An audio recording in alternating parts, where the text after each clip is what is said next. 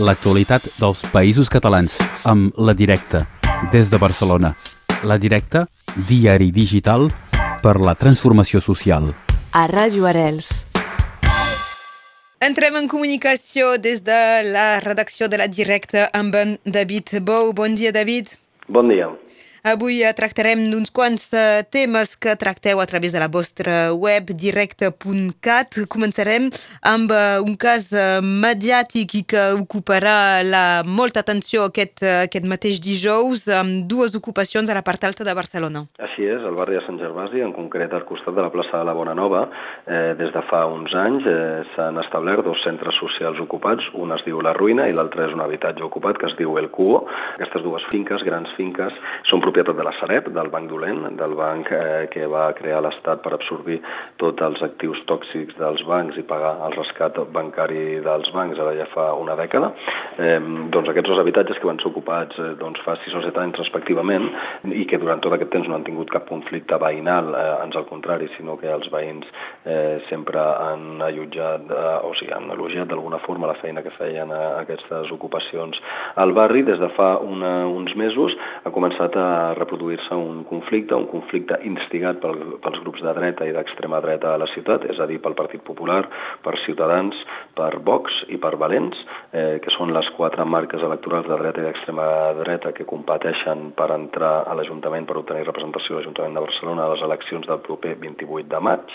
Eh, aquests partits van començar a convocar concentracions periòdiques setmanalment els dimarts a la plaça de la Bona Nova. Recordem que la plaça de la Bona Nova és un del sector, és una dels, de les parts de la ciutat eh, més eh, benestants, amb un poder adquisitiu més alt i amb un vot tradicionalment més afí a la dreta. Eh, coneixedors d'aquesta situació. Van començar aquests grups de dreta i extrema dreta, aquests partits polítics, a atiar un conflicte veïnal que ha acabat amb denúncies creuades d'agressions per part de veïns a ocupes i per part d'ocupes a veïns i amb una situació molt tensa que veurem com acabarà avui mateix perquè a les 7 de la tarda eh, s'ha convocat una manifestació antifeixista de suport a aquests dos centres socials ocupats, al temps que dues hores més tard, a les 9 del vespre, eh, l'empresa de desallotjaments extrajudicials Desocupa, una empresa que es dedica a buscar els forats legals per poder fer fora ocupacions, per poder desallotjar ocupacions eh, al marge de del que diguin els tribunals i al marge també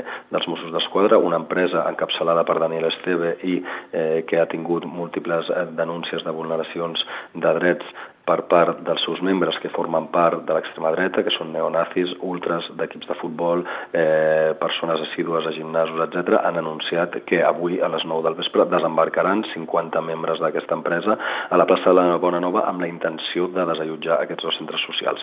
La reacció dels Mossos d'Esquadra i del Departament d'Interior de la Generalitat no s'ha fet esperar, han anunciat que muntaran un ampli dispositiu policial per evitar que aquestes dues eh, concentracions, aquestes dues convocatòries de signe antagònic es trobin i es puguin generar eh, incidents, però ara mateix és un dels temes que està que està ocupant aquesta precampanya electoral encara perquè aquesta nit mateix comença la campanya electoral de les eleccions municipals del 28 de maig.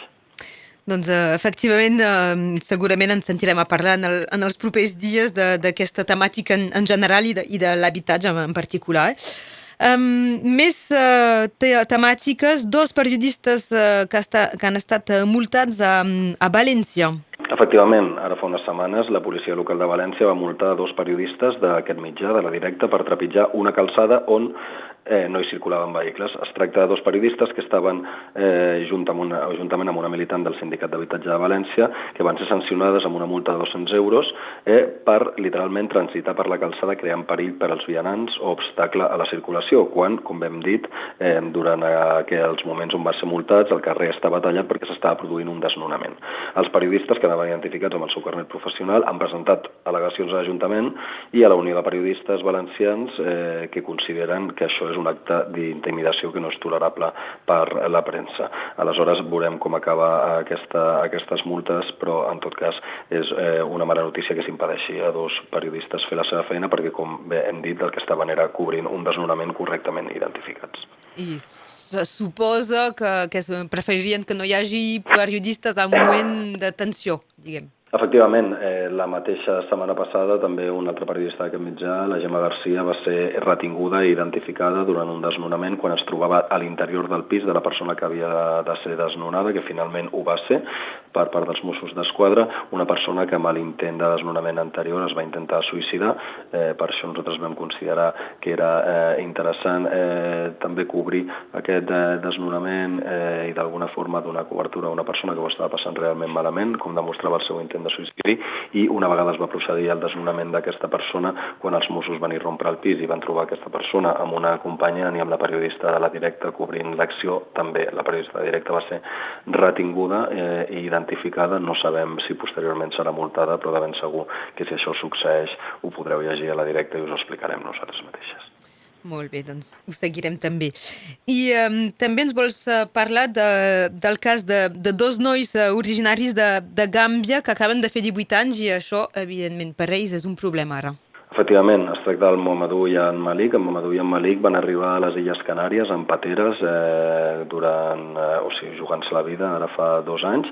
Posteriorment, com eren menors d'edat, van ser traslladats a la península Ibèrica per la Creu Roja i finalment van arribar a Barcelona. Eh, formen part del 30% de joves de menors eh, de menors no acompanyats, que la de Gaia, que és la Direcció General d'Atenció a la Infància i l'Adolescència, que depèn del Departament de Drets Socials de, de la Generalitat de Catalunya, té sota la, teva, la seva tutela.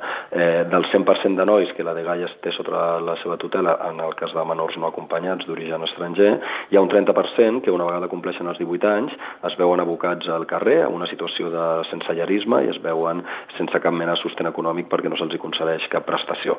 Aquest és el cas, com bé hem dit, del Mamadou i del Malik. El Mamadou ja ha estat expulsat aquest passat dilluns del seu centre i ara mateix es troba eh, al carrer intentant eh, resoldre eh, les seves, cobrir les seves necessitats i, i cercar una vida, una vida millor. I en Malik, amic del Mamadou i resident al mateix centre, del qual per cert denuncien eh, actituds eh, racistes per part de la seva directora, resta a dia d'avui al centre d'acolliment esperant a que passin els 4 o 5 mesos que li falten per complir els 18 anys i eh, preocupat per si la seva situació tornarà a ser la mateixa que la del Mamadou, és a dir, si quedarà al carrer d'un dia per un altre sense cap mena de recurs econòmic ni alternativa habitacional.